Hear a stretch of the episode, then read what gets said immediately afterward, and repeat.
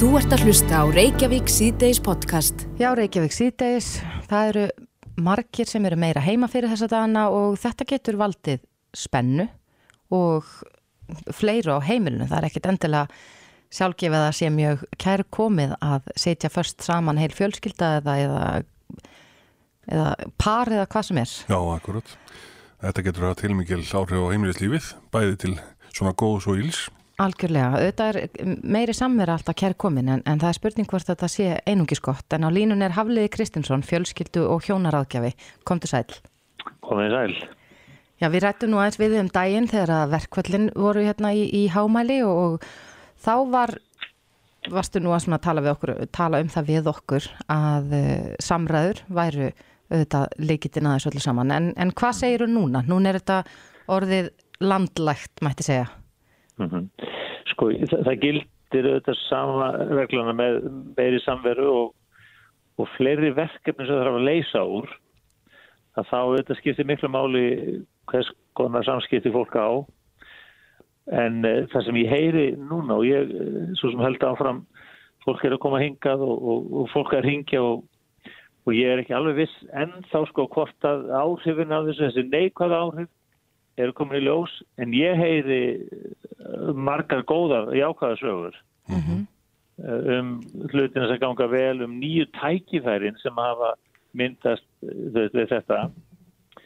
En ég held sko líkillin er svolítið að það þarf að halda fram, það þarf að búa til nýja rútinu og rútina verður mjög mikilvæg í þessu. Þetta er kannski svolítið eins og sko sömafrí á þess að vera alveg í sömafrí þú ert með vinnu veist, það voru, það voru hjón hérna hjá mér sem að voru einmitt að tala um það að nú vinnaðu heima og það tekur bara smá tíma fyrir krakkan átt að segja á því að þau hafi ekki aðgang að þeim eins og þau væru vanalega heima. Nú þarf að, að semja upp á nýtt með það. Mm -hmm.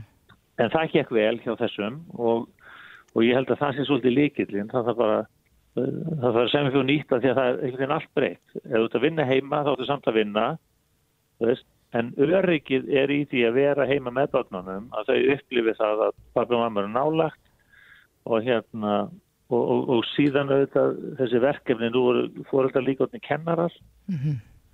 og, þurfa, og það er ekki því að allir finnir sig vel í því hlutverki. Og hérna svo það þarf að búa til og oft er að þannig kannski annað er betra í, í því hlutverki en, en hitt. Þú veist það þarf að bara semja um það þá deil, að deila bara hlutverkunum upp á nýtt en síðan ég held, ég var nú rætt að þegar við vorum að tala um verkvælið að, að ef að voru bresti til staðar að það, það er auðvitað áhættu samböndin í svona mikilvæg samveru og í áleginu sem að fylgi þessari breyttu svona verkaskipan mm -hmm. að það, það þrýstir á viðkvæmupunktana mm -hmm. og þar getur fólk lempar í verulegum vandræðum, skilu, þá getur átökun orðin meira en vanalega skilur þau, þau hafa ekki fjarlæðin að þau hafa átt áður til að ná að jafna sig eða bara eh, beina hugan með eitthvað annað. Já, en með hverju mæluru fyrir þá sem eru til dæmis í þessum eins og segir áhættuhóp, þessu áhættu sambönd sem að voru ekkit endilega á góðum stað áður og þurfa núna að glíma við þessi stóru verkefni?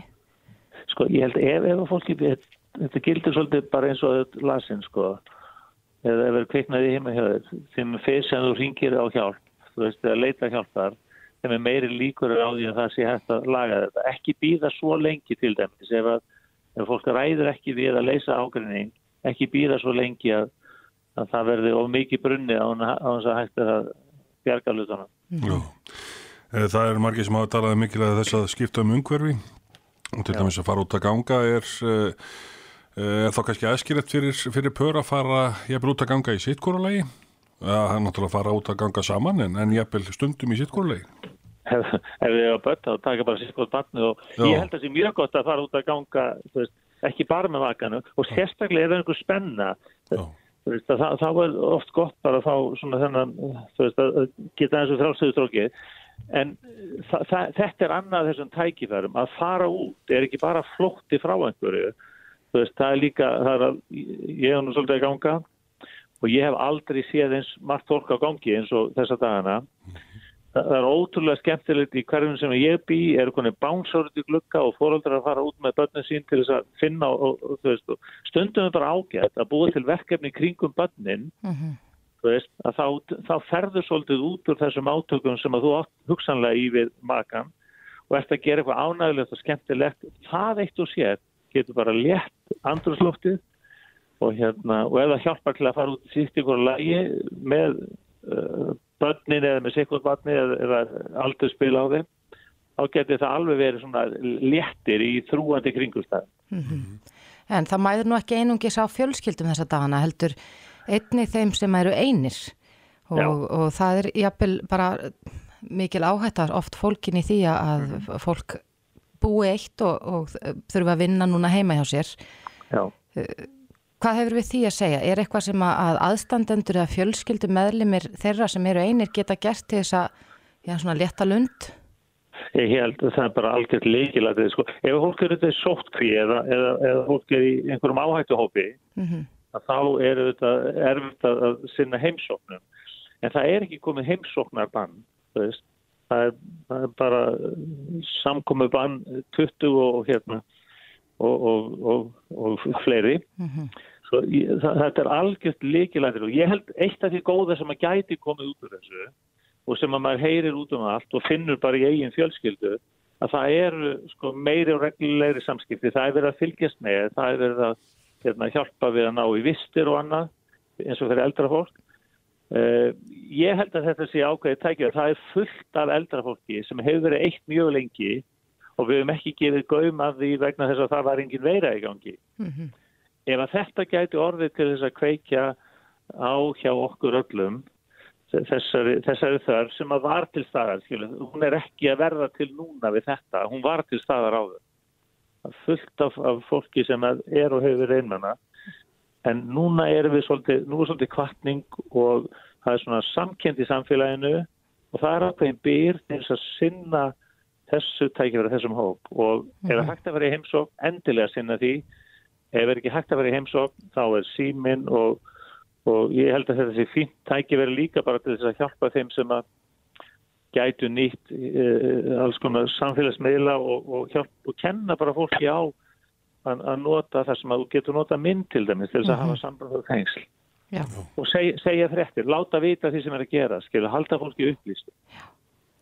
Já, þetta er góð ráð en, en það er allavega vonandi að þetta ástand verið vari ekki svo lengi en það er alltaf gott að fá góð ráð svona í bankan fyrir svona lagð.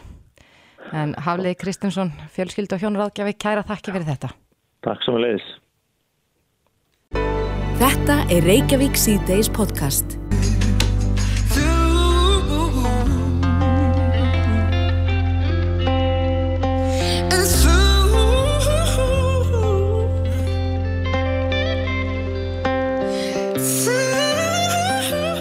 Já, þetta var söngurinn Jón Jónsson með fallegt lag en ég get nú sagt ykkur því að ég er að fylgja honum á Instagram og hann er svona að reyna að leta lund landsmanna með því að hann setur inn eitt, hann syngur eitt lag á dag í beitni á Instagram mm -hmm. og uh, þetta heitir Samkomiðbann voljum 1, voljum 2 og er komin upp í 10 held ég í dag hjá hann.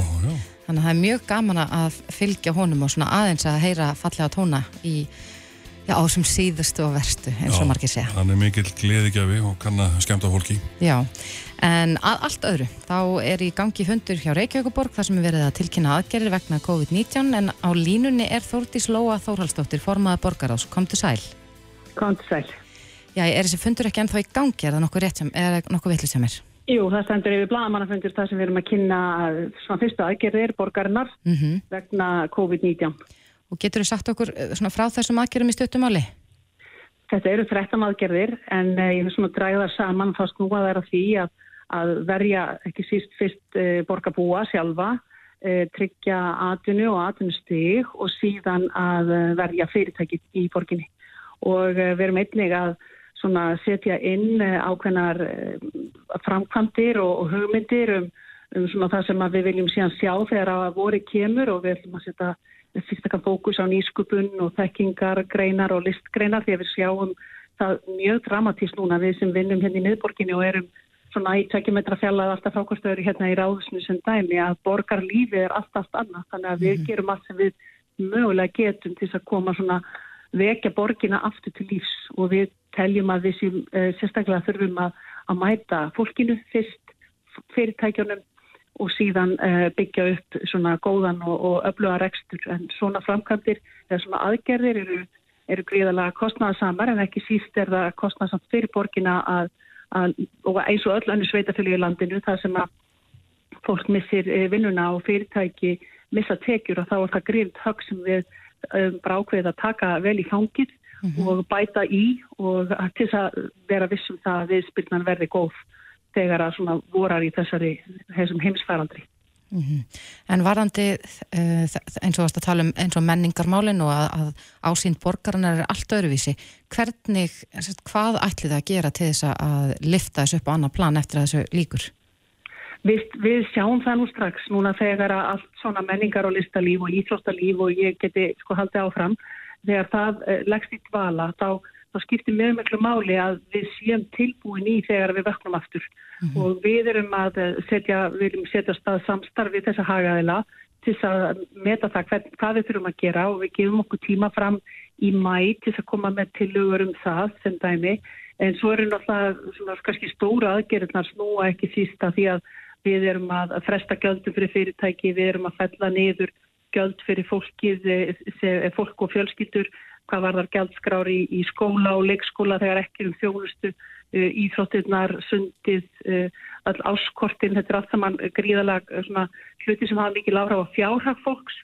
Og þetta eru er svona fyrstu viðbröðin, við erum að leggja til skattalækkur frá með 21 á fastegna húsnæði og fara með það úr 6,5% nýri 1,6 fyrir og 1,65 þannig að þetta eru svona helstu áherslunar Eh, við erum líka að horfa á nýskupun og hvernig við getum eh, nýtt eh, það umhverfi sem við erum í núna til þess að keira af stað en þá frekar í rafvæðingar og við erum svona að spýta svolítið í lóana með það. Við, við sjáum það öll sem eru partur af þessu samfélagi í dag að tæknin er að gera okkur kleift til að tala saman og vinna saman og, og eins og þú varst að segja sjálfa að Jón Jónsson er að senda okkur lög á hverjum degi á Instagram og þetta er einhvern veginn allt svo stórkostlegt og við viljum ekki síður setja kraft og peninga og fjárfesta í því að auka þetta vægi inn í öllum rekstri þannig að við komum inn í eitthvað nýtt samfélag þegar við komum út úr þessum skringilegu tímum. Já, eh, þú talar um að eh, borgin komi til með að aðstóða fyrirtæki og starfsfólk þess. Eh, nú er Ríkistjórn búin að kynna sínar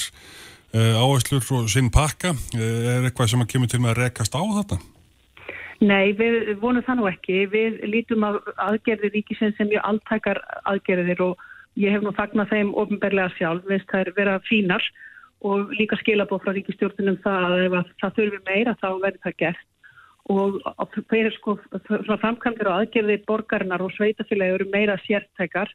Eh, við erum til dæmis að hugsa um þær gjaldskrár sem að eh, sveitafélagin bjóð upp á eða sveitafélagin eru með þar eru við bæði að fella niður ákveðingjöld við ákveðin aðstæður, við erum að tala um að lengja í flestum, við erum að tala um að fyrirtæki borgarinn eins og orkuveitan og fagsaflóðahafnir og fleiri fyrirtæki mæti þá þeirri þörf bæði á fólki og fyrirtækjum sem snúa að gjaldskram og fleira og bara eftir burðum hvers fyrirtæki fyrir sig og aðstæðan, það er gríðalega mismandi.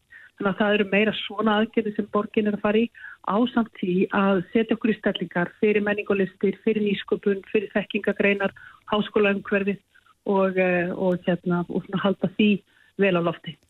Já, ég held að borgarbúar hafa nú beðið eftir, með mikill eftirvæntingu eftir þessum eh, aðgerðum en Dagur B. Eggertsson borgarstjóri sagði í bítinu í morguna að mögulega eru þau fastegnagjöld lögð af eða þeim frestað hefur, kemur fram í þessum aðgerðarpakka eitthvað varandi fastegnugjöldin?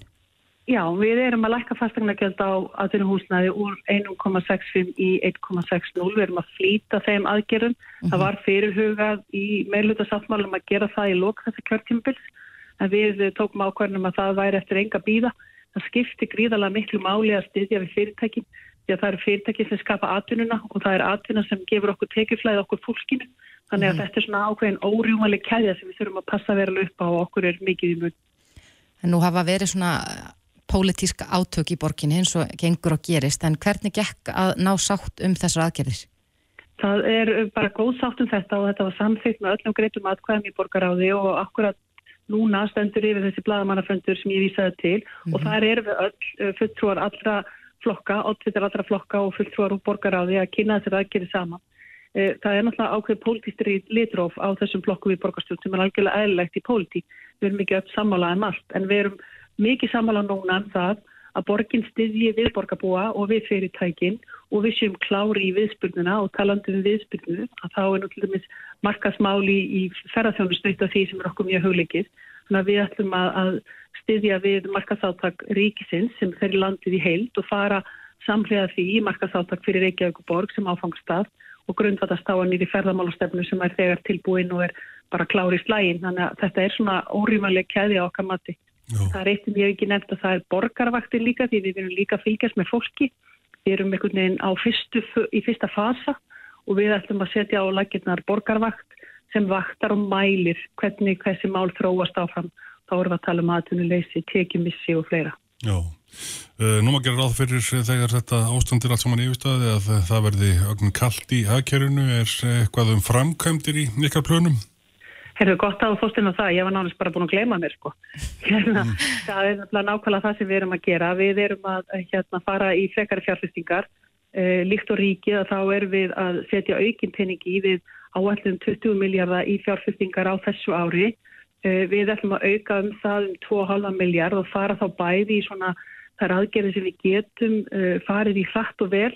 Eh, við erum að fara í viðgerðarmálina, borgarkerfisins eh, viðgerðir og það skiptir máli að gera núna hlutina hratt en, en, og taka þá ákvarðanir um aðgerði sem að er ekki kannski komna stutt í skipulæginu, heldur eru komna langt og inn í þeim gögnum sem að við erum að vinna með núna þá listu við þetta meðal annars upp og þarna eru reysa framkantir eins og samgöngum meðstuði á BSI reitnum okkar, þarna eru samgöngu áallunin þarna eru viðhaldsverkefni sem snúa að skólum og leikskólum og þarna er einmitt svona líka allskið aðgerið sem snúa að brúum bylið sem verður mhm. svona framkantarlegt þannig að við erum mjög upptíkin að því að það verði farið í mannfrekar framkantir. Já, Þórti Slóa Þórastóttir formaði borgarás, kæra þakki fyrir pjallið. Takk fyrir. Hlustaðu hvena sem er á Reykjavík C-Days podcast. Já, þrýki okkar góða hefur mikið talað um uh, bakvarðasveitina sem að, að köllu var til Já. og fólk var beðið um að skrá sig og okkur leik svona forvitna að vita uh, hvernig þetta gengur og hvort það hafi komið þess að, að kalla út þetta fólk. Mm -hmm. En Alma Möller, landlæknir á línunni, kom til sæl. Já, góðan dag. Hvernig hefur þetta gengið með bakvarðasveitina? Verið góðar viðtökur við henni? Já, svo sannlega. Þetta byrjaði nú allt hérna í byrjun mars þegar að við svona sáum að stemdi þennan faraldur og þá tókum við okkur saman uh, formaði Læknafélags Íslands og, og Félags Íslenska hjóknunafræðing og sjúkraliða. Mm -hmm. og fórum út með sammeila yfirlýsingu og líka með sótvarnalækni og ráðherra, heilbyrjumsráðherra og ríkislörgstjóra og byrjum til stafsfólks um að skrá sig og við eigum auðvitað heilbyrjumstafsfólk sem hefur hægt störfum og er að vinna við annað og er kannski að vinna utan ofinbæra kervisins þannig að við vorum að hugsa um þetta fólk og það opnaði fyrst fyrir skráningu þessara þryggja stjætta en svo búið það smá bæta í fjölga stjættum uh mhm. -huh. og núna er yfir 756 í dag Já. og við, þetta er þannig að allar heilbríðstofnanir og sjúgráðsinn hafa aðgangarlískanum Þannig að þau kalla sjálf út fólk og gera við að ráningarsamning. Þannig að við erum ekki með yfirsýn yfir hvað eru margir farnir að vinna en ég heyri þó að það er alveg byrjað að kalla til fólk bæði inn á landsbytala,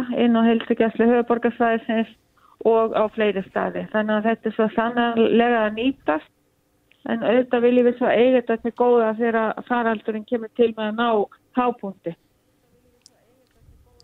Það eru bara allir sem hafa stafslefi í sínum uh, greinum og það er stafslefi sem ennbætti landlæknis hefur gefið út, það þarf að vera gilt og svo hefur við líka tekið á móti núna læknanemum og hjókurunanemum.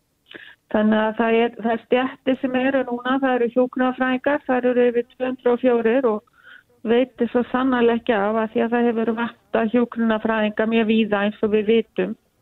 Það eru 174 sjúkrarlegar.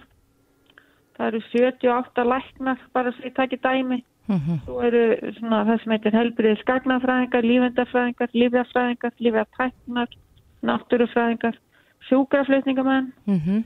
og sjúkrafþjálfarar En hvernig er það, er þetta þá mestmæknis fólk sem að starfar þá við eitthvað annað en er þá kallað inn í, inn í þessi störf tímabundi? Já, þetta er, þetta er sem sagt þetta að þetta er fólk sem er þá kannski nýhætt störfum, Mhm. bara komið á aldur. Þetta er fólk sem er að vinna við annað, við vitum þetta margi hjúkranfræðingar finna öðrum störfum, störfum en hjúkrun, þannig að þetta er bara mjög víða að.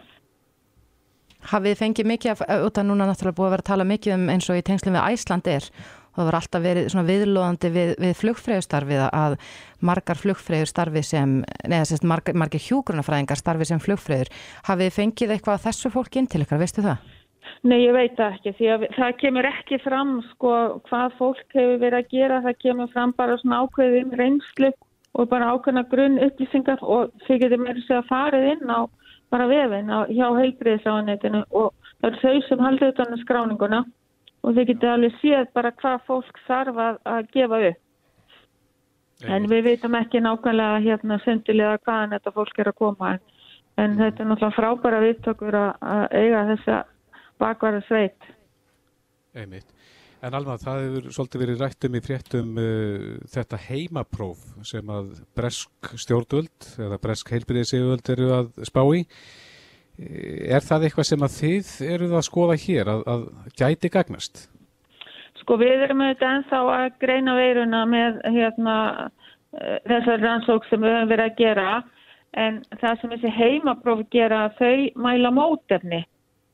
Og okkur finnst ekki alveg komið að því að byrja á þeim. Þannig að við erum ekki að skoða þau eins og er nei.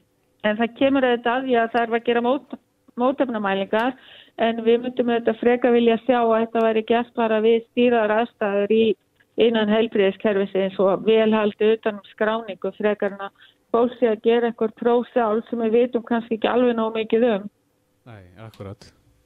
En það voru líka þessar gliðið fréttir að það hefur fundist pinnar. Eru þeir ekki átnir um 6.000 nota við pinnar þá í landinu með við nýjustu fréttir? Jú, það nú er bara allt orðið morandi pinnum. Það er hérna fundist þarna pinnar og síðan fekk Kárið sendingu þannig að hérna það er, það er hægt að tala um pinna núna, það er hægt að, tala um pinna allavega einhverja daga. Já, hvað, hvað endast er lengi Ég þessir? er pinna segir kjartan reiknina sem er hjá mér. Það er óætt að segja það. En, hvað endast þessir lengi? Ég, það er nú ekki búið að reikna það át en þeir endast nú eitthvað sko. Já. En fylgir eitthvað sögunni hvar pinnarnir fundust, þessi gleðpinnar? Nei, ég, ég hef ekki upplýsingar um það. Nei, akkurat. Eh, Alma Möller, landlæknir, gaman að heyri þér og gangi ykkur áfram vel í þessum störfum. Við skulum vona að, að þessu fari nú að ljúka fyrir en síðar. Já, sömu leiðis bara og takk fyrir, takk fyrir samstarfið þeir fjölmiðlar. Takk er leiðis. Já, bless. Reykjavík síðdeis á Bilginni podcast. Það kom fram í fréttum í dag að um, mjög margir hafa sótt um þetta hlutastarfsúrræði sem að kynnt var í síðustu viku að ég held Já, og jáfnvel fleiri en, en já, allavega fleiri en ég bjóst við en samkvæmt þessum fréttum eru um 9000 manns búin að sækjum þetta úrræði. já, það er greinilegt að fyrirtækin er að grípa til aðgerða núna um þessi mánaðamót.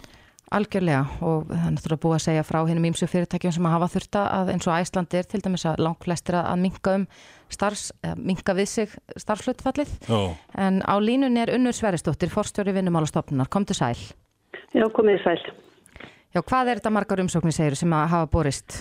Eh, Það er sam og ég hafði sömu töl og þið, ég held uh, síðast þið gáði eða frétti þá var það rúmlega 9000 Og er þetta meira að minna en þið byggust við?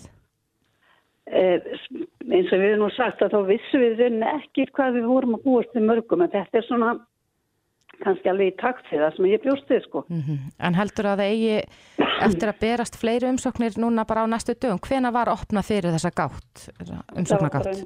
um tíu leiti í gær.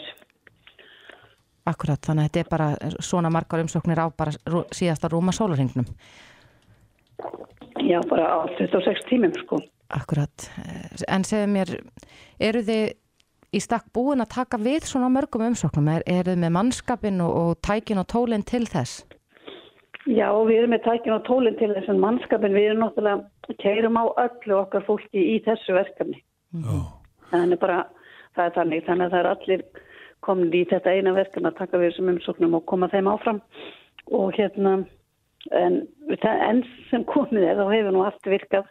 Það var nú mikill léttir í gæri að kerfi skildi þóla allt þetta álag. Það voru yfir 7000 umsóknir sem kom inn í grunninn bara í gæri. Já, já.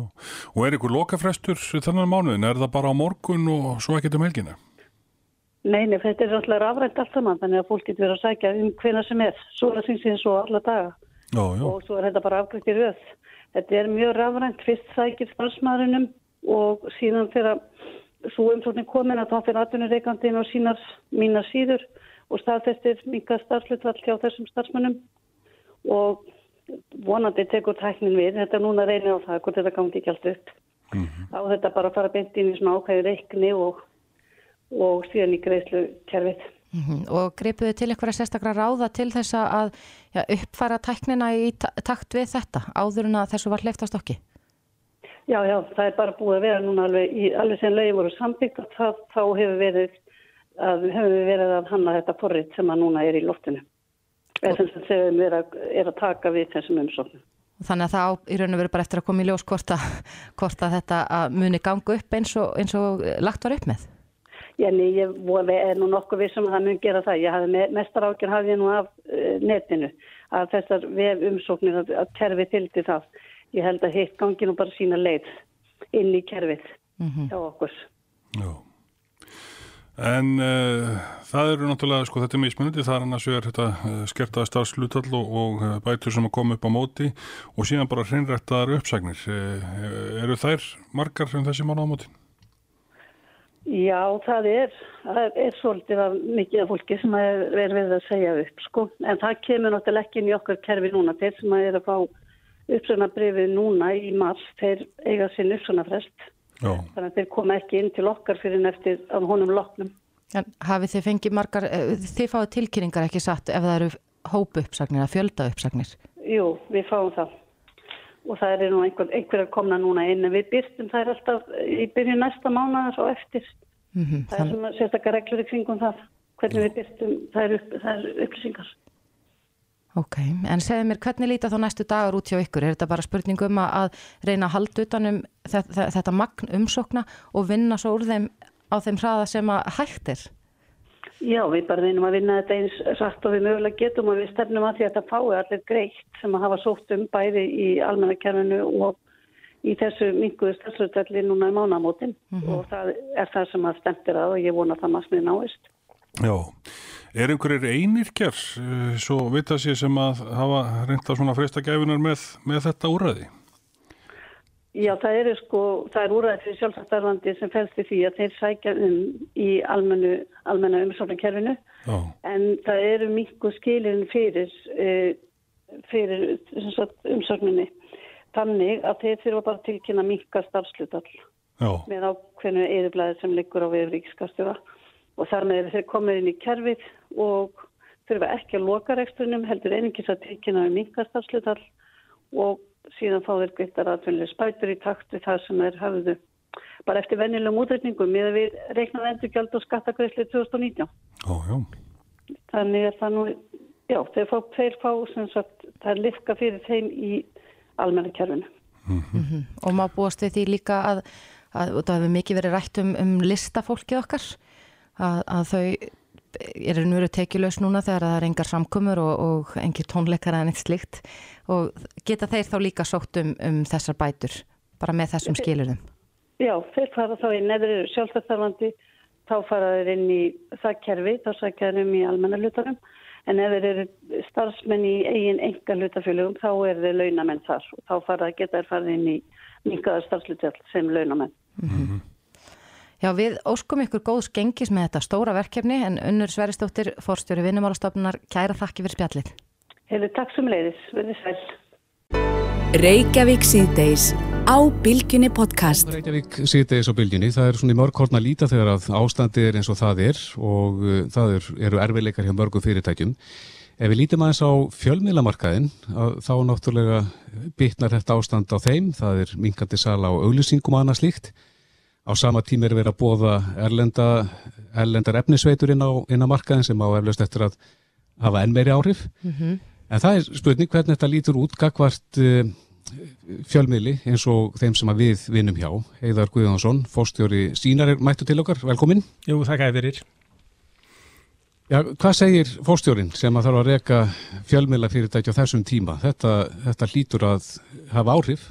Já, þetta hefur áhrif á okkur eins og alla aðra og við erum auðvitað bara bregðast við svona mjög óvinnlegum aðstæðum og, og, og vinna þannig að, að fyrirtækið eh, sagt, standist eh, þessar áskoranir sem eru núna mm -hmm. og þá er náttúrulega svolítið sérstatt að horfa til þess að séu hérna, efnisveitur að koma inn auðvitað fögnum við allir í samkeppni en hún verður að vera á jafnbræðis grunni. Nú sá við í fréttum í daga að þessi norræna efnisveita via play eh, opni hérna eftir örfa á daga og meðal annars er þarna eftir að fá áskrift af hennu ímsu sjómarsefni, þáttum og bíomundum en líka að íþrótta við burðum og öðru slíku. Hefur þetta mikil áhrif á, á okkar stöðu? Nei, í rauninu verið ekki okkur en það sem er ósangjant í svona umhverfi er að það er ekki sömu kröfur gerðar til erlendra efnisveitna og innlendra. Það er þannig að við sem erum hér á þessu litla málsvæði og með íslenska menningu og svona í okkar hlutverki að við þurfum að standast svona mjög ríkulegar hvaðir um að talsetja, setja texta, að lýsa öllum íþróttaviðbörðum með íslenskum lýsendum en þessir erlendu aðeinar er algjörlega undanþegnir því og ég hef mjög bátt með að skilja það. Nú er ekki einungis Viaplay sem er hérna í samkeppni við okkur, það er Netflix og það er Amazon Prime og ég geti lengi tala áfram. En hvaða forskot höfum við á, á þessa erlendu meðla? Já, við höfum það fórskot að við erum búin að vera í 34 ára og stöðu að framleiða hákjæða Íslands efni og eins og í fyrra, núna bara þennan vetur sem er að líða þá frumsýndu við meira segja meira íslenskt efni heldur en ríkisútvarpið. Þannig að svona menningarlegt hlutverk okkar er ótvírætt og þegar við erum að framlega efna á Íslandi þá sköpum við náttúrulega verðmætti hérna. Við erum að byggja undir sjálfstæða framleiðslu á kvikmyndum, á sjónvastáttum og alls konar listefni og þetta eru eitthvað sem erlendar efnisveitur ger ekki að, að neinu ráði. Þannig að þetta þarf líka að taka með í reikningin. Já, en e, svo er það það sem stundum að kalla fýllin í stofinu, það er fyrirferð ríkisútarsins á, á markaði sem að vantala fær allt sitt í dag og, og vantala litlar kröfur að, að, að snýða stakk eftir vexti eins og frálsunniðlanir. Já, það er önnur áskorun sem hefur verið viðvarandi mjög lengi og það er náttúrulega mjög erfitt fyrir frjálsa fjölmjölun að þrýfast þegar einn aðili getur alltaf alveg sama hvernig árar eh, staðið af sér öll áföll og, það er ósangjant. Eh, við höfum bent á ímsa leiðir í þessu eins og það sé nú kannski ekki rétt að svona aðili sem hefur sérstöðu og, og, og vinnur í skjóli ríkisins geti gengið um auðlisingamarkað með sama hætti og þeir gera og það er bara svona gaggríni sem ég held að ég held að rétti á sér.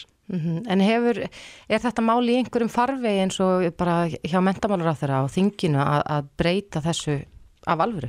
Já, það liggur fyrir núna nýtt fjölumila frumvarp, það sem hefur verið að innleiða tilskipanir frá Evrópu og það er mjög hægur vandi hjá okkur og það eru fordamið fyrir því að það er lítið menningarsvæði, lítið málsvæði að gera þá sömu kröfur til alþjóðlega aðela sem kom inn á það eins og þeirra sem eru fyrir. Þannig að það er lítið mál að breyta því og og svo í sama mund væri auðvitað ráðlagt að endur skoða svolítið hlutverk ríkisútvarsfins á auðlískamarkaði. Já, er enginn teikna loftum að það sé í kortun? Já, það er búið að ræða ímislegt það var hér fjölmjöla frumvarp sem átt að styrkja í raun og veru uh, frétta uppbyggingu frjálsrar fjölmjölunar. Það hefur tafist að afgreða það í meirinn ár, síðan átt að vera hluta því að taka svona einhvern veginn aðeins á ríkisútvarpinu en það sér ekki fyrir endan á því því miður en eins og ég segi aftur, ég meina það sem við stöndum og viljum auðvitað verja íslenska menningu og, og íslenska tungumálið að þá má nú alveg gera sömu kröfur til alþjóðleira aðila eins og eru gerað til okkar. Mm -hmm. Hvernig metur þú núna stöðuna svona ámarkaði almennt? Já, það er svolítið erfitt að metta stöðuna. Við náttúrulega horfum við bara svona viku fram í tíman, það er ekki að þetta gera mikið lengri áallanir heldur en það og vinnum út frá því en uh, heilt yfir að sem betur fyrir eru við viðtæk starfsemi, við erum líka í fjarskiptaþjónustu og, og fjarskiptin í dag eru svolítið eins og vatn og, og ramagn að, fólk nýtir þetta alveg sama hvernig árar og það er svona kostur þess að vera í saminuðu fyrirtæki. Mm -hmm. Heiðar Guðjónsson, fórstjóri, kæra þakki fyrir komuna. Já, takk fyrir mig. Reykjavík síðdeis á Bilginni podcast. Reykjavík síðdeis á Bilginni Eh, það er ekki langt síðan að ríkistjórnin kynnti aðgerða pakka sinn eh, í þessu ástandi sem að nú ríkir í samfélaginu. Þetta eru fordæmalösar aðstæðin eins og áður hefur komið fram marg oft en eh, það er ekki allir á eitt sáttur en það hvort að það sé nógu langt gengið þá heimilana. Hagsmunarsamtök heimilana eru þar á meðal sem hafa gaggrínt að það sé ekki nógu fast stíð til jarðar þegar heimilin eru annars vegar. Ástildur Lóa Þóstóttir er formaður hagsmunarsamtaka heimilana og hún er á línunni. Góttu sæl. Kondur sæl. Ja, hvað gaggrinni þið helst? Hvað vantar í þennan pakka til þess að þið getið kvittað fyrir hann og upp á? Sko, fyrst er það að segja að það er mjög margt gott í þessum pakka og að sjálfsögðu skiptir að máli fyrir heimilin að atvinnulífið því sem haldi gangandi og að fólk haldi megnuna tekjum sínum og allt það. Það sem að hins vegar við erum að benda á er að það sem veldur heimilónu meiri skada en okkur annar er hækkun verðbólgu. Vegna þess sér íslenska á og stór hættulega fyrirkomulag sem heitir verðtrygging á lánum heimilóna. Og fari verðbólgan á stað, þá hefur engin stjórn á því sem gerist. Og það er því nöðsynlegt að grípa bara strax til varuðarhástafana áður en að það gerist og slá þannig á óvissuna sem að heimilistanda framifyrir vegna verðtriða lána. Og það skiptir greiðilega miklu máli að afta sér líka á því að ef það eru sett sagt, hérna, ef það er sett spak á, á hérna, verðtrykkinguna mm -hmm. að sagt, það hefur líka áhrif á óverðtíðlan vegna þess að þau munir líka hækka verðbólka fyrir böndunum. Og svo heldur ekki gleyma því að öll leiða eða nánast öll leiða heimilana í landinu er verðtíð þannig að þetta mun líka takmarka hækkanir og leiðuverði En nú er búið að svara því til að, að það sé ekki þörf á að klippa þarna milli að, að nú er bara eru vextir lágir og, og lítil hægt á að verðbólka færi af stað? Já, það er hérna Sælabankastjóri kom með það í kær og, og þetta er í rauninni, þetta er mjög sérstök rauk vegna þess að í fyrsta lagi þá náttúrulega vitum við það bara að alveg sama hversi fær Sælabankin er í því sem hann er að gera að ef allt fyrir gang þá bara ræður hann engu um það. Mm -hmm og ég menn annars hefðu við bara aldrei vantarlega búið verðbólka á Íslandi ef að Sæðlabankin gæti bara ákveða að það ætti ekki verið verðbólka og hérna þannig að sko það sem að þannig að þú veist alveg sama hva, hvað er að rekna með eða hvað ekki þá geta við bara ekki trefst þetta. Og það að setja þak á verðtrykkingu á lánum heimilana í samræmi við verðbólku markmið Sæðlabankans eins og halsmjög samtökin er að fara fram á e, það er bara sjálfsögð öryggisástöðin til að koma í til móts við bara þá almennu sæðskri sem er hjá heimilunum í landinu um allt fara vestaveg eins og gerðist í bankarhenginu 2008 sem við erum ennþá að súpa segið það. Mm. En staðan er nú aðeins önnu núna heldur en í kringum hrunið? Já. Er ekki staða heimilana mun betri í dag? Er heimilin ekki betur í stakk búin í dag heldur en áður? Já, ég held að það er nú bara svolítið eftir því hvaða heimili það eru. Menna, það eru 15.000 fjölskyldur sem að mistu heimili sín í hruninu mm -hmm. og stórliti þeirra er núna komin inn á leifumarkað eða er að berjast í bökkum. Það, það, er, það er gríðarlega margir sem eru ekkit ennþá búinir að býta á nálinni með það sem að gerðist í hruninu. Og þegar talað er um að, að hagvöxtur sé svo góður og, og, og við séum allir svo góðu málum þá er þetta nú svona pínulítið bara eins og með allt meðaltala það er einhver sem er með hend, fótinn í brennandi heitu vatni og annar í ísköldu og hvorum líðum er sérstaklega vel sko. mm -hmm. það er ekki, skilur hvað ég er að menna Já. þetta gengur ekki það, það er bara, það verður að tryggja þetta örgi fyrir heimilum og svo náttúrulega líka annað sem að sko verðtryggingin er náttúrulega líka bara þannig að neytandin hann tapar alltaf Núna til dæmis kom bara frétt um það í, í morgunblæðinum helginu og er nú lítið yfir sér og var einhverstara insýðum að Hagstofan væri að skoða hvernig að breyta það hvernig hún mæli verðbúkuna. Og þá er hún að fara að taka út eins og til dæmis, eða að velta fyrir sig að taka út eitthvað eins og flugsamgöngur og, og hótelgistingu og, og allt þetta sem að núna náttúrulega bara fer nýri núl. Og bara okkar mati það, og, og ekkert okkar mati, þetta er bara jafngildir einfallega því að falsa aukna skuldir á heimilin og brjóta bara alla verðtriða lánasamning í landinu sem neytundir hafa skrif, skrifað undir. Af því að þeir hafa skrifað undir eitthvað sem á að miðast við almennt velja og ef að og, og veist, það er ekkert bara þetta að breyta fórsendunum þegar það allt í hennu hendar fjármálöflunum En ástæð, já, já, þá komum við líka á því að háksmjónarsamtök fjármálafyrirtækja sem eru gríðarlega fjárstök samtök með fólk á ofur launum þau eru allstaðar við borðið þar sem ákvæmlega eru teknar. Það var það sama og gerðist í síðasta hruni. Þar var bara hlustað á þessi hagsmunarsamtök fjármálafyrirtækja og því fór sem fór. Eru þið ekki innabors í, í slíkum ákvörðunum eða er, er þið ekki með rödd? Nei, við, það er bara ekki hlustað á okkur. Við okkur er bara ekki hlustað og, og þetta er gríðanlega alvarlegt. Náttúrulega í hruninu 2008 voru hagsmunarsamtökin ekki til og hérna en þau eru til núna og það er hvergi, ég held að ég get bara fullist það, það er hvergi á Íslandi til jafnmikil þekking eins og innan samtakana á réttindi neytand og fjármálumarkaði og aukþest að afleðingar hennar þessar aðgjörni hafa fyrir heiminn og það er í rauninni eða alveg út í höst ef að ríkistjóknin alltaf ekki að nýta sér það. Nei. En hafið ekki fengið viðbröð úr stjórnmála áttinni? Var, var ekki það nú eitthvað sem að tekur undir ykkar orðið það ekki? Jú, jú, við, hérna, það er alveg sem betur fer að þá er fólk innan ríkistjórnaflokkana sem að, sem að hérna, fylgir okkur að málum og, og það, hérna, þú veist, en, en það vilðist svolítið vera eins og, ef ég bara má segja þannig að fjármálraður að bara hafa þetta allt í hansið og hann kallar bara þá á borðinu sem hann vil kalla borðinu og þar eru bara samtök, hann har svona samtök fjármálafyrirtækja með beina línu. Hvað, hvað eru margir uh, af ykkar stjólstæðingum eða ykkar félagsmönnu sem að, sem að heyra undir þetta? Það er að segja uh, það sem að þetta getur snert illa ef að allt fer úr böndunum hérna. Það er náttúrulega allir þar undir en, en, en er ykkur svona verðsettir? Sko, það eru náttúrulega bara öll heimili undir. Það, það, er, það er það, þannig að við erum öll undir. En hérna, auðvitað er kannski þeir sem að standa nú þegar höllum fæti, um, hafa átt í fjárháserfileikum, komu ykkurðu síðasta hrunur en þá byggja sér til því að bara, bara þeir sem stalla, standa höllum fæti, þeir koma alltaf vest út úr svona. Með verðtri lán? Já, ég menna, þú veist, þeir eiga bara það, það er fólki sem hefur ekki borð fyrir báru heldur. Nei. Við þurfum, en, en sko máli er bara að við verðum, sko, það er gríðalegur ótti í samfélaginu út af þessu. Og nú er ég ekki að tala um veiruna eða allt það. Fólk er bara hvað gerir, eru við að fara að lenda í þessu sama og við lendum í síðan. Mm -hmm. Já, samkvæmt konunum að þá hafa fleiri fjárrags áhugjur heldur en áhugjur af helsefæri sínu varðandi þess að hennar faraldur.